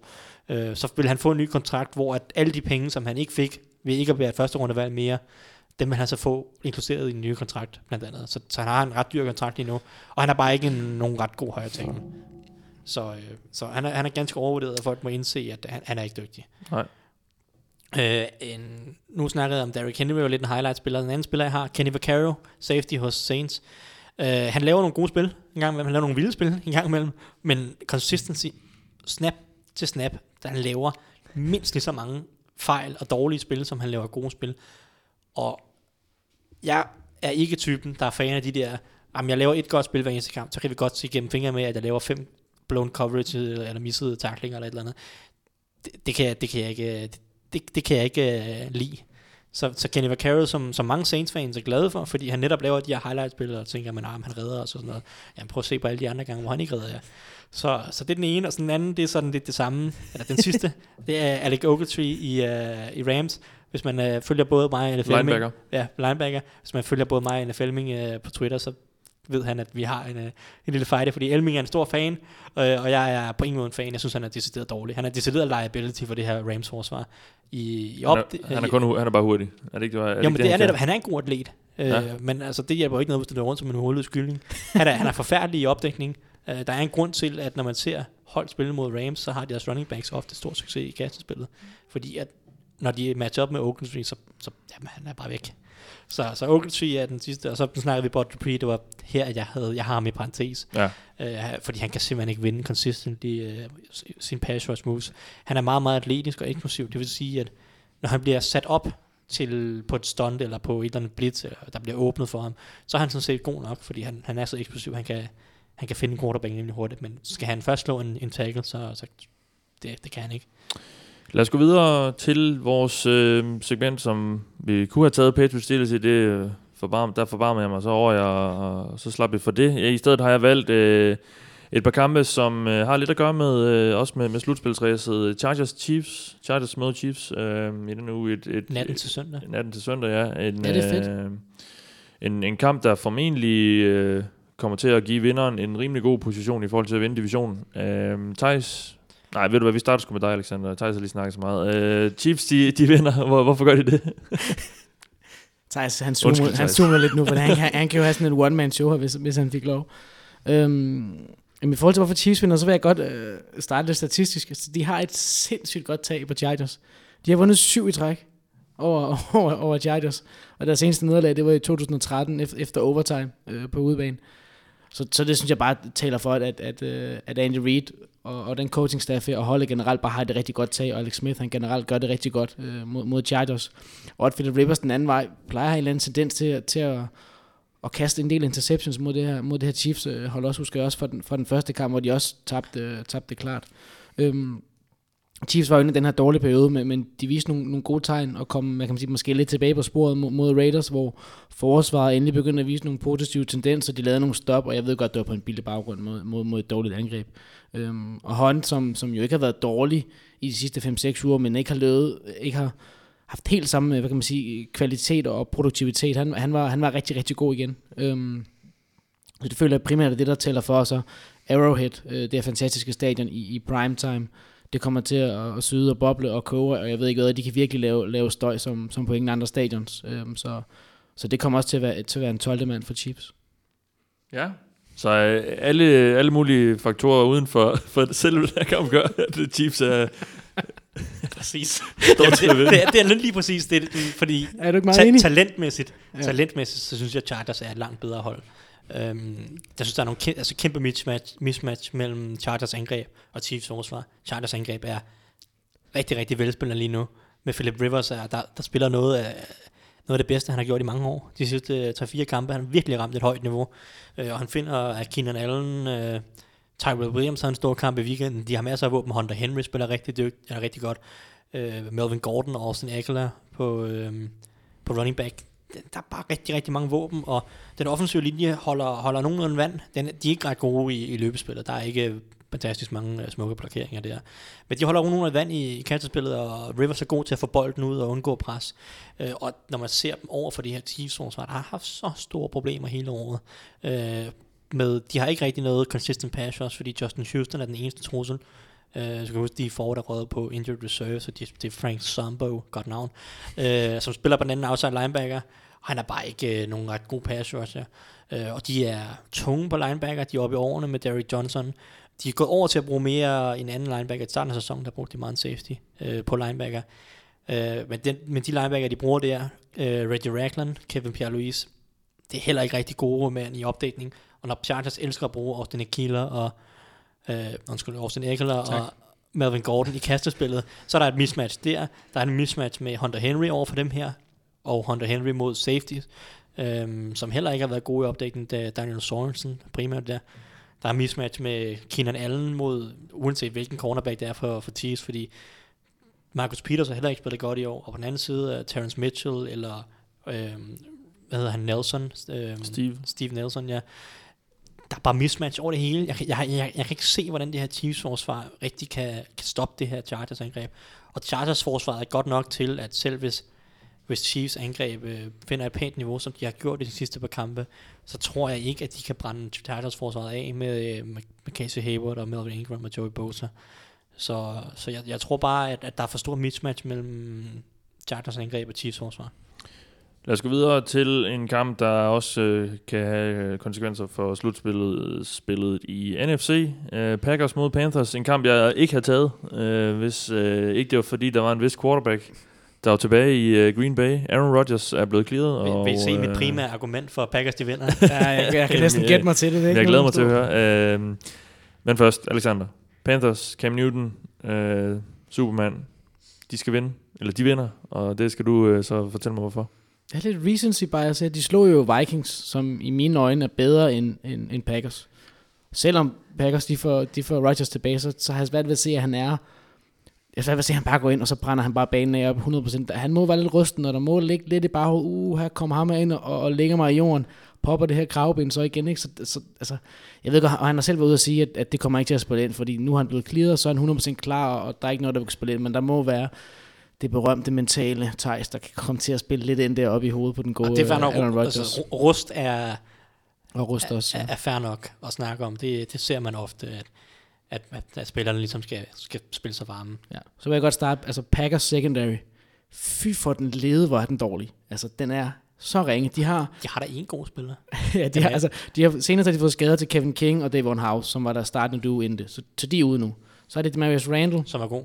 Som er, som er, som er god, som er, som er over middelmåde, ikke? Så har du uh, Josh Hawkins, altså det her det spiller jeg ikke kender, som jeg sidder og læser op. Josh Hawkins, Lindsey Pipkins, og, Han er god på special team. ja, okay, og Donatello Brown. De er alle tre undrafted, og Pipkins og Brown, de er, de er rookies. Og det er, det, det, er- det er trods alt den secondary, man må kunne gøre lidt imod, og, og, og Browns, de flyttede også bolden og producerede rimelig mange yards i, i sidste uge. Det var kun fordi, der var noget, der var noget choke igen, og de ikke gad, de ikke gad vinde, at, at, at Packers egentlig stadig er inde i, i slutspilbilledet. Um, så der tror jeg godt, at, at du har, så ved jeg godt, at, at Panthers angreb, det måske ikke bare vælter afsted med, med, med dygtige angrebsspillere, men de har så selv en, en, en Devin Funches, og jeg ved ikke, om Greg Olsen kommer tilbage. Det vil også være en, en, en stor tilføjelse, ikke? Um, så der føler jeg, at der er nogle muligheder for at kunne sætte nogle point øh, på tavlen. Så Cam Newton, han, han er ikke blind øjeblikket, men, men han spiller godt, og han laver de her clutch-spil. Øh, nu havde han til sidst øh, mod Vikings. Han havde et blændende øjeblik mod, ja. øh, mod Vikings. Ja, der havde han en fantastisk øh, løb til sidst. Øh, 62 yards, 62 yards, hvor Vikings egentlig er kommet tilbage, og man tænker, nu har de alt momentum, og så laver han det her fantastiske spil, og løber mm. Den helt ned inden for 10'eren. Ikke? Øhm, Han sagde jo, at, at øh, det var med vilje, at han ikke løb den ind, fordi så kunne de trække noget tid. Ja, og det er ja, selvfølgelig, right. det er Ja. selvfølgelig helt, Helt sikkert. helt sikkert Ja. det er rigtigt. det er så løgn. Ja. Men det er, og det- apropos, altså det er bare så vildt at se, den, han er jo så kæmpe stor, ja han er hvor meget fart han kan få i de stænger ja. der alligevel. Ikke? Øhm, og så igen, den berømte hjemmebanefordel. Godt. Den, øh, den kommer også til at spille i Carolinas favør. Og nu, nu siger du, Thijs, der du må ikke, du må ikke, du må ikke sige uh, ordet, uh, ordene Aaron Rodgers, men hvorfor... Nej, okay. du Det, hvorfor, uh, hvorfor Der står heller ikke Aaron Rodgers i mine noter, der står A-Rod! Og nummer 12. Godt. Jamen, uh, er han bare... Uh, Men det er selvfølgelig den primære grund til, at Packers de har, en, har en, en god chance. Øh, og den primære grund til, at Packers stadig lever i, hele det her slutspilsbillede.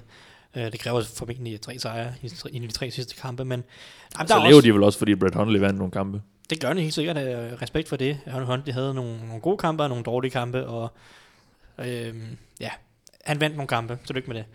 øh, ej, jeg synes generelt var han ikke så blændende, men, Nej, men de nej. vandt nogle kampe, og respekt for det, og til Mike McCarthy, og, og ligesom holde dem i live, øh, det er jo det, Indtil, ja. indtil Packers kommer tilbage, det må man have respekt for. Øh, eller måske indtil Rodgers kommer tilbage. Ja, havde de tabt, undskyld, men havde de tabt i søndags mod Browns, så var de jo færdige. Så var de ude, ja. Ja, ja, præcis. Så, og, ja, ja. Den hævde de så alligevel hjem. Ja, de, vandt, og de var vandt to øh, kampe træk overtime, ikke? Så, altså, ja. Godt, undskyld. Fortsæt. Jamen, øh, der er sådan set, øh, jeg har nogle, et par argumenter ud over Aaron Rodgers. Tro, tro det eller ej. Men øh, med Aaron Rodgers tilbage, så kommer der nogle, så kommer den her receivergruppe fra Packers lidt mere i spil. Det var altså Adams, der spillet rigtig godt i år. Og Jordy Nelson, som har været en skygge af sig selv uden Rodgers, kommer formentlig til live igen med, med Rodgers. De har, har en god spilforståelse for hinanden, eller en god forståelse for hinanden, og, og Rodgers kan bedre finde de her små huller i zonerne, som, som Jordy Nelson også finder, der har håndlig ikke det samme overblik. Så når man kigger på Panthers cornerbacks, så er jeg ikke ret imponeret. James Bar- uh, øh, Bradbury tillader flest yards af alle cornerbacks i den her sæson. Øh, og Daryl Worley, ikke noget blændende heller. Captain Mullen er ved skade, deres slot cornerback. Jeg er ikke ret øh, imponeret over de her cornerbacks, og jeg tror virkelig, at det var altså Adams og Jordy Nelson med Aaron Rodgers tilbage, kan, kan gøre rigtig, rigtig ondt på Packers, og deres ellers øh, glimrende forsvar. Øhm, derudover så har de fået et løbespil, så nu snakker vi om, at Rodgers måske skal ud og banke lidt rust af det er spørgsmålet om, altså det, det er nok ikke nødvendigt for ham at gå, gå ud og bære det hele fuldstændig øh, vanvittigt, som han nogle gange gør, fordi de har fået et rimelig pænt løbespil. Jamal Williams har gjort det rigtig, rigtig, rigtig godt i, i, i de her kampe øh, på det seneste. Så, så det, at de har et løbespil, som kan sørge for, at Rodgers ikke går ud og kaste 85 gange på, øh, på det nye gravben, skulle jeg til at sige, øhm, det tror jeg kommer til at hjælpe dem. Øh, og så på forsvaret, der tror jeg, at de kan... Panthers angreb er ekstremt Cam Newton afhængig. Men en anden ting, som virkelig øh, får gang i Panthers angreb, det er, hvis de kan løbe bolden. Det tror jeg ikke, de kan mod, Pa- øh, mod Packers på samme måde, fordi det her Packers forsvar, det er vildt ikke ret imponerende. Men det de har, det er, at de har en defensiv linje. Kenny Clark, Mike Daniels er super, super dygtige i midten af forsvaret. Og jeg tror, de kan stoppe løbet af det her det har ikke været et ret eksplosivt løbeangreb det meste af sæsonen med Jonathan Stewart og, og Christian McCaffrey. De havde en god kamp mod Vikings. Men jeg tror, at, at Packers kan lukke ned for det, og, og så ligesom tvinge Cam Newton til at, til at score flere point end Aaron Rodgers, og, og det tror jeg bliver, bliver et problem for Panthers i, i, i længden. Jamen altså, det er en god pointe i forhold til, at Packers endelig har fundet et løbeangreb med Jamal, med Jamal Williams og Aaron Jones, de her to, de her to rookies, men Carolina har bare det, de har bare det tre bedste løbeangreb, øh, og, og de har bare en, en line, Løbe, løbeforsvar. løbeforsvar, undskyld ja. Thijs, ja. Øhm, de tæller kun 89 yards øh, per kamp, øhm, og de, altså, de har bare den her linebacker-gruppe, der bare er så altid, og især også rigtig dygtig mod, mod løbet. Luke, Luke Kigley, han er jo han er simpelthen fantastisk, ikke? Så, så, så det bliver også en nøgle til kampen, men jeg tror også, at jeg tror godt, at Carolina kan begrænse det her løbeangreb rimelig meget, så er det Rodgers, der skal ud og... Ja, men jeg, jeg siger heller ikke, at løbeangrebet skal vinde den kampen. Jeg, jeg, jeg mener mest af alt bare, at det skal kunne aflaste ham i en eller anden grad, mm. så, han ikke, så han ikke skal ud og, og vinde kampen med bare at kaste den hele tiden og risikere sacks. Og hilse på sådan, den, den gode gamle ven uh, Julius Peppers, som på trods af alderen stadig uh, laver det eneste ja, ja, ja, ja, nemlig, for de skal nemlig have den balance på angrebet, for jeg tror også, at, at Carolina, hvis de kommer ud i nogle situationer på nogle lidt længere tredje downs eller anden downs, hvor han skal ud og kaste, der kan de altså godt få lagt noget pres på ham. Den her offensive linje er ikke så god, som den plejer at være. Der har været nogle skader, og de er uden en, Brian Bolaga for sæsonen, så de har stadig en rigtig god uh, tackle i David Bakhtiari, men, men generelt så er det sådan en offensive linje, der er til at tale med for Carolinas side, så jeg tror godt, de kan få lagt noget pres på, hvis uh, Edwards skal ud og kaste for meget. Hver, hver holde øje med uh, skadestatus på Panthers offensive guard Trey Turner, som er røget i concussion protocol. Um, han, han er dygtig han er meget dygtig. Hvis han er ude, så nu snakker jeg om Kenny Clark og Mike Daniels, de kan, de kan få en stor kamp, hvis han er ude. Lad os gå videre. Øhm, vi har jo altid sådan her, lige inden vi, vi tager nogle lytterspørgsmål, lige sådan fået skitseret, hvem, hvem der har ryggen mod muren, hvem der virkelig skal vinde. Øh, jeg ved, Thijs, du, du har lidt, at du vil sige, fordi der er jo ret mange hold, der efterhånden skal vinde, hvis, hvis, de, ja. hvis, det, hvis der sæson skal, skal fortsætte ind i januar. Jamen, jeg har siddet og kørt en masse forskellige scenarier. ESPN har den her fremragende playoff simulator, sådan, eller simulator, hvor man kan sidde ligesom og prøve at kigge frem, og så kigge, sidde og kigge på nogle af de her tiebreakers. Jeg, jeg, jeg havde bildet mig selv ind, at du bare havde siddet og gjort det hele manuelt, fordi, fordi du er sådan nørd. I, I et eller andet Excel-ark, ja, okay. ja, ja. Jamen, det gør jeg næste år. øhm, ej, men, øh, på, I AFC, der er selvfølgelig Steelers, der er kvalificeret til slutspillet. Patriots ser ud som om, de er rimelig meget på vej i slutspillet, også det samme med Jaguars. Der skal uddeles nogle wildcards. Øhm, nu snakker vi FC West og sådan noget. Der er selvfølgelig en kamp mellem Chiefs og Chargers, der bliver meget afgørende. Men wildcards i AFC kommer formentlig til at lande på 9 og 7. I hvert fald det ene af dem. Der er måske et hold, der kan snige sig til 10 og 6. Men som jeg ser slutspillet i AFC, så er 10 og 6, så er man helt sikker. 9 og 6, der er formentlig minimum et wildcard. 9 og 7, 9 og 7 undskyld. Er der formentlig et hold, øh, eller et wildcard, der skal uddeles. Og hvis man kigger lidt på, hvordan øh, holdene står stillet på 9 og 7, så øh, Chargers, de skal, de skal vinde den her division. Øh, eller nå 10 sejre. De, de kan ikke tåle at tabe til Chiefs, det kan de ikke. De, de kan ikke tåle at tabe til Chiefs, nemlig. De taber alle tiebreakers på, på ni sejre, og med al sandsynlighed, så vil der være mere end et hold, der når ni sejre. Vi har Ravens, som, er, som formentlig når ni sejre, eller Titans når ni sejre. Chargers eller Chiefs når formentlig ni sejre. Så Chargers, de skal vinde på, på, på lørdag. De, hvis de ikke vinder, så kan de max nå ni, og de taber alle tiebreakers. Alle tiebreakers, mm. mener jeg, til alle hold. Så de skal vinde divisionen, ellers så, ellers så kan de ikke nå i slutspil. Nu har jeg, så, så jeg startet, og det, og jeg starter programmet med at sige, at Chargers de godt kan tro de bedste hold i AFC. Ja, det er jo lige meget, det, hvis de kommer i slutspil. Hvis, hvis, hvis de har en off day mod Chiefs, og, de, og vi vurderer måske som det 3. 4. bedste hold i AFC nu, øhm, og, og, og et hold helt klart, vi kunne tro uh, Steelers og Patriots. Hvis de har en dårlig kamp, så kan det lige pludselig koste dem hele sæsonen, ikke? selvom de har vundet ind i en rigtig god steam. Ja. Så generelt, så ja, Chargers står dårligt. Ravens og Chiefs står rimelig godt på 9 og 7. De vinder de fleste tiebreakers, uh, specielt hvis der er mere end to hold uh, på 9 og 7. Titans, de uh, står ikke super godt på 9 og 7, men de kan selvfølgelig komme til 10 og 6 med to sejre. Men de har, de har trods alt de har tiebreaker over Ravens, hvis de, de har tiebreaker over Ravens, hvis det kun er de to. Men hvis der er mere end to hold, så taber Titans uh, tiebreakersne. Um, og så Bills, de har meget slå, små slutspilchancer på 9 og 7. De skal vinde alle tre. De, de, og, og de, de har Patriots tilbage. De har Patriots med andet. Øhm, så Dolphins kan jo også nå 9 og 7, hvis de Ja, det, de kunne lave noget comeback, faktisk. Ja, men, øh, så, så Chargers øh, har, har virkelig ryggen mod muren. Chargers er dem, der har kniven for struben i ja. den her uge. Øhm, NFC, der, der skal vi nok helt op på 11 sejre, hvis man vil være helt sikker på at nå slutspillet via et wildcard. Øhm, men øh, så vi har Rams og Saints og Eagles og Vikings. De bør alle sammen nå 11 sejre, øh, som tingene står ser ud nu. Panthers og Seahawks, det er dem, der har kniven for struben for at nå 11 sejre. Øh, Seahawks har lige nu 8, det vil sige, de skal vinde de tre sidste formentlig. Panthers har 9. Så de skal vinde to af de sidste tre. Øh, fordi Panthers, de taber alle tiebreakers, og Seahawks taber alle tiebreakers, undtagen mod Panthers, øh, når vi kommer ned her øh, til, når, mod øh, Falcons eller Packers, eller mm. De andre hold, øh, som kan nå de der ting. Detroit og Green Bay Packers, hvis de kan komme til 10 sejre, det vil sige vinde de sidste tre, så står de faktisk rigtig, rigtig godt.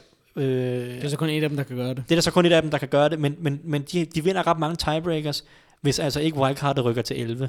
Men hvis der bliver uddelt et wildcard på 10, så står Falcons, øh, nu tror jeg et helt, helt tredje hold, men Falcons står rigtig godt på 10 sejre, og så står Packers og Lions faktisk meget godt på 10 sejre. Øh, og Cowboys, de skal håbe på mirakler. Det, de, har, de kan også nå 10 sejre, men de taber alle tiebreakers også, øh, stort set. Så de skal håbe på en masse mirakler. Således oplyst omkring de, øh, de Og hvis I er i tvivl, så må I spørge mig på Twitter. Så, Ja, skriv til... Eller bare gå ind og tjekke Thijs Twitter fik de sidste 48 timer, så kan I læse jer klog. Det er uoverskueligt. øh, vi, der fik vi øh, skitseret rimelig meget, hvem der, hvem, hvem der skal vinde. Øh, Jeg, jeg vil gerne hurtigt sige, at, at Ja. jeg, jeg føler især, altså, der er jo alt det der, der er jo mange hold, der rykker mod munden, men, men Seahawks, det er virkelig en nøglekamp, den her mod Rams, fordi hvis de taber, så, øhm, altså, så er de stort set, altså, så Rams stort set vundet divisionen, ikke? og netop som Thijs siger, de skal vinde ud, de kan, de kan ikke tåle at tabe en kamp, for de taber næsten alle tiebreakers på, øh, på 10 og 6, og jeg kunne også sagtens se dem, hvis de taber den her kamp, sådan, falde sammen, så også sådan moralmæssigt på den måde, så, De har Cowboys blandt andet i næste uge. Det er Ja, heller lige ikke nogen præcis. let kamp. hvor Elliot er tilbage. og lad os så... Øh, Og lad mig lige men, sige- mens vi lige bliver lidt på den, lige ja. flette et lille lytterspørgsmål ind, fordi Kenneth Andersen spørger nemlig, hvem I ser som favorit til at vinde NFC West, West og det bliver vel, det kan vel nærmest blive afgjort i, hvis, hvis Rams vinder, så... Øh, Ja, Rams. Og, selv, Så- og, selv, og så- selv, ja, altså jeg har klart Rams, for selv hvis de skulle tabe den her kamp, som jeg også ser dem som favorit i, så har de et nemmere program tilbage, end Ja. ja. Seahawks har, øh, som, skal, som har Cowboys i næste uge, som sandsynligvis stadig har noget at spille for, selvom de skal, de skal håbe på, på lidt mirakler. Så jeg har klart Rams. Jamen, jeg har også og så vil de jo have en øh, kamp på, på, på Seahawks også, øh, eller de, de vil i hvert fald eller vil- vil, de, de have de tiebreakeren, fordi... De vil være to kampe foran, hvis de Mm. vinder. De lige nu er det en kamp foran. Ja, de det vil vil være sige, to kampe Seahawks kan max foran med to kampe igen. Ja, Men de har bedre record mod common opponents, tror jeg. Ja. ja Seahawks fordi er de har begge to vundet en hver, så... Ja, så de begge to vundet en hver, så, så går vi længere ned i den der Ja, tiebreak-række, ja, ja. og så snakker vi... Er det så ikke øh, division, eller er det konference? Ja, der er selvfølgelig div- divisional record, det kan godt være, at de vinder på den. Og så er der common, der- der ja, er så er der konference. ubesejret lige nu. Ja, okay. Ja. Der er en hel masse tiebreakers Ja, der, any- ikke? Men anyhow. jeg er ret, altså Rams, hvis de vinder, så vinder de divisionen. Ja. Mm. Så det er i hvert fald sådan, landet ligger. Øhm, og jeg, jeg har også Rams som favorit til, til at vinde divisionen. Godt. Må, må jeg nævne Titans? De skal, Ja, ja. Fordi øh, vi, har, ude- vi har snakket om Chargers, de har kniv for struben. De skal vinde divisionen, de skal vinde i den her uge. Fordi de tabte også til Chiefs tidligere, og det er måske værd at nævne, at de taber tiebreakeren mod Chiefs, hvis de taber igen på lørdag. På lørdag. Øhm, men Titans, de er jo egentlig på 8 sejre, og nu sagde jeg, at de skal kun nå til, øh, man skal nok kun nå til 7, undskyld, 9. 9, 9 og 7, ja. 9 og 7, hvis man vil i slutspillet i, i AFC, og 10, så er man helt sikker. Det tænker man, der på uh, Titans har rimelig gode chancer. Og de møder 49ers til den her uge. Men det, er ikke så meget, det handler ikke så meget om den her uge. De næste to kampe hedder Rams og øhm, Jaguars. Så hvis de taber i den her uge til, til 49ers, så er det ikke sikkert, at de kommer videre fra 8 sejre, selvom de har ligget der i, i nogle uger efterhånden. Øhm, så, så jeg føler, at de, de skal få deres 9. sejr mod 49ers, og så håbe på, at det er nok. Øh, jeg, jeg tror ikke, de kan vinde over Rams, jeg tror ikke, de kan vinde over Jaguars. Så, så det er lidt et hold, som de er kniven for struben mod, mod et dårligt hold, man skal sige. Det, de skal vinde den her pligtsejr. Ja. Men et, men et dårligt hold, der har fået en god quarterback. ja, de har selvfølgelig vundet de sidste to for Niners, så, så, så det er ikke så dårligt, som det har Jimmy været. G. Men, men Titans må, må trods alt nok stadig tage favoritværdigheden på sig. Ja, det, er- det er en must win for dem. Krystalpaladset, der må vedkommende være en, en lettere fortvivlet fodboldfan for tiden. Det, det, borg, det borgerlige navn er vist Anders Hall, ifølge hans øh, Twitter-bio der. Øhm, han spørger i hvert fald, øh, hvilke hold synes I er det bedste med en losing record? Altså, da, da jeg så det, der tænkte jeg Redskins. Jamen, det, det, gør, det gør jeg nemlig også øh, sådan set over hele... Det gør jeg ikke mere. Nej, nej, men set over hele sæsonen, fordi de sidste par, par kamp, der er de blevet skilt ad af, Ja. Ja. af først Cowboys og- senest Chargers, ikke? fordi at deres offensive linje er totalt i forfald, og de har ligesom givet op, og, og de har så mange skader der, så de spillere bringer de jo ikke i spil mere, fordi de ikke har noget at spille om mere. Ligger på 5 og 8 nu. Ja. Øh, men jeg men jeg huske, synes, vi, det- vi snakkede om tidligere på sæsonen, at de har tabt rigtig, rigtig mange tætte kampe Ja, mod, er helt nogle gode rigtig, hold. rigtig, rigtig mange gode hold. Ja. Så, Så- ja, det, så hvis vi snakker tidligere om, hvis vi snakker lige nu, så må vi nok hive delfinerne frem fra skuffen, tror Ja. jeg. Ja, det må det være. Øh, trods alt. De 6 har, og 7. de har vundet de sidste to kampe, og det ser ud som om, de har fundet lidt bedre rytme på indgrebet med Kenyan Drake, der spiller godt. Og det her forsvar har sådan set hele sæsonen spillet lidt bedre, end jeg havde troet. Øh, det er ikke fordi, det er noget blændende forsvar, men jeg, jeg havde troet, det ville være decideret dårligt. det er et okay forsvar, og hvis de har lidt på angrebet, så kan de måske drille. De kan også godt nå slutspillet, hvis de vinder de sidste tre. De har Bills to gange, mener jeg. Så kan jeg ikke huske, om de har den sidste. Men de har Bills to gange i hvert fald. Så de kan både eliminere Bills fra, fra alt muligt slutspilsovervejelser, øh, og, og selv lægge sig i en position, som måske kunne stjæle en, en wildcard-plads for andet år træk. Og så sidder jeg og kigger på antal sejre her i hele ligaen, og så, er det bare, så falder springer Texans bare i øjnene, fordi de ikke har det Sean Watson, så har de jo aldrig ligget dernede. Så, så Nej, Texans de fans, de kan godt øh, glæde sig til næste sæson. Jets har vel også haft en, en, en god sæson. Jeg ved ikke, om vi kan kalde dem det bedste, blandt de bedste hold med en lose, men altså, de har jo gjort det godt. Og, det er okay, de har været rimelig pæne. Ja, 5 og 8 ligger de på. Øh, Det er vel langt mere end... øh, Ja, okay, okay forsvar og en rigtig godt spillende McCown, der har Ja. overrasket positivt. Nu er det så, nu er det så Bryce Petty, der skal spille jo. Puh, Det, det, Jeg så, at det øh, sænker niveauet en lille smule. i forhold til en kamp, som vi ikke lige får snakket om, Saints, de er 16-17 points favoritter. Mod Jets. 16-17 points favoritter. Ja. Hold det fast. Ej, det er, det er også lidt overdrevet, Ej, Ej, det er- min mening. Spil på, Ja. ja. spil på Jets, det Den, er handicap. øh, den linje har nok ikke været den samme, hvis, øh, hvis, Hvis det var, hvis det var McCown. Og så øh, stiller Michael Obitz det spørgsmål, som samtlige NFL-folk, og især folk i Philadelphia jo har, har gået spekuleret over hele ugen. Hvordan, øh, og det er som Michael der skriver det her, hvordan regner jeg med, at Eagles kommer til at klare sig uden Carson Wentz? Er Nick Foles dygtig nok til at få holdet langt i slutspillet? Uh, den, den, den, Hvis vi havde svaret, så... Øh, ja, så var vi head coach så- nok. Eller så i hvert fald siddet på ESPN måske, eller et eller andet. Ja. Ej, men, altså, Men, det, øh, men det er jo det, alle snakker om, og det er det, øh, alle har, har tænkt over, og, og helt sikkert alle Eagles-fans har, har spekuleret over, kan han? Fordi han har jo vist gode takter før øh, i Selvfølgelig. Selvfølgelig skal Foles. Eagles fans være træt af livet lige nu, ikke? fordi det, det så jo simpelthen så godt ud. Men, og så mister man Carson Wentz til den her, den her skade, ikke? hvor han endda lige spiller, de fire spillere lige kaster et touchdown, ikke? Og, så, Ja, og så imponerende, hopper han ud på sidelinjen. Øhm, på den positive side, så er Nick Foles jo nok en af de bedste backups i ligaen, du kan have. Så i forhold til nogle andre hold, som ikke har nogen gode backups, så kan man jo glæde sig over, at mens de har stadig en chance. Altså jeg føler, jeg kan sagtens stadig se dem øh, gå vinde en slutspilskamp, øh, og måske endda, de får med al sandsynlighed en, en first round bye, ikke? Så, så har de en Ja, fordi holdet har vel så meget talent. At, Det er det. Altså, det er jo ikke, det er jo ikke bare sådan et uh, Seahawks-hold, der, der, der lever under af deres quarterback. Nej, lige præcis. Forsvaret spiller, det er de bedste forsvar i ligaen. De spiller rigtig, rigtig godt hele vejen rundt. Um, Alshon Jeffrey har virkelig fundet øh, et sted, han godt kan lide at være, har fået den nye kontrakt, og han, øh, han baller virkelig ikke. Um, Nelson Aguilar griber lige pludselig alt, det bliver kastet i sin retning i, i modsætning til sidste sæson. Et par de gode har- running backs. Ja, de har nærmest 3-4 running backs, de skifter imellem, ikke? Ja, en J.J. de har Zach Ertz, en rigtig god tight end, så Trey Burton spiller godt i Trey weekenden. Burton griber to touchdowns, ja, og, og Selig griber et touchdown, så de, de, er simpelthen, de er bare dybe over det hele. Det er bare, det er bare et rigtig godt hold, og, og det virker også til at være godt coachet.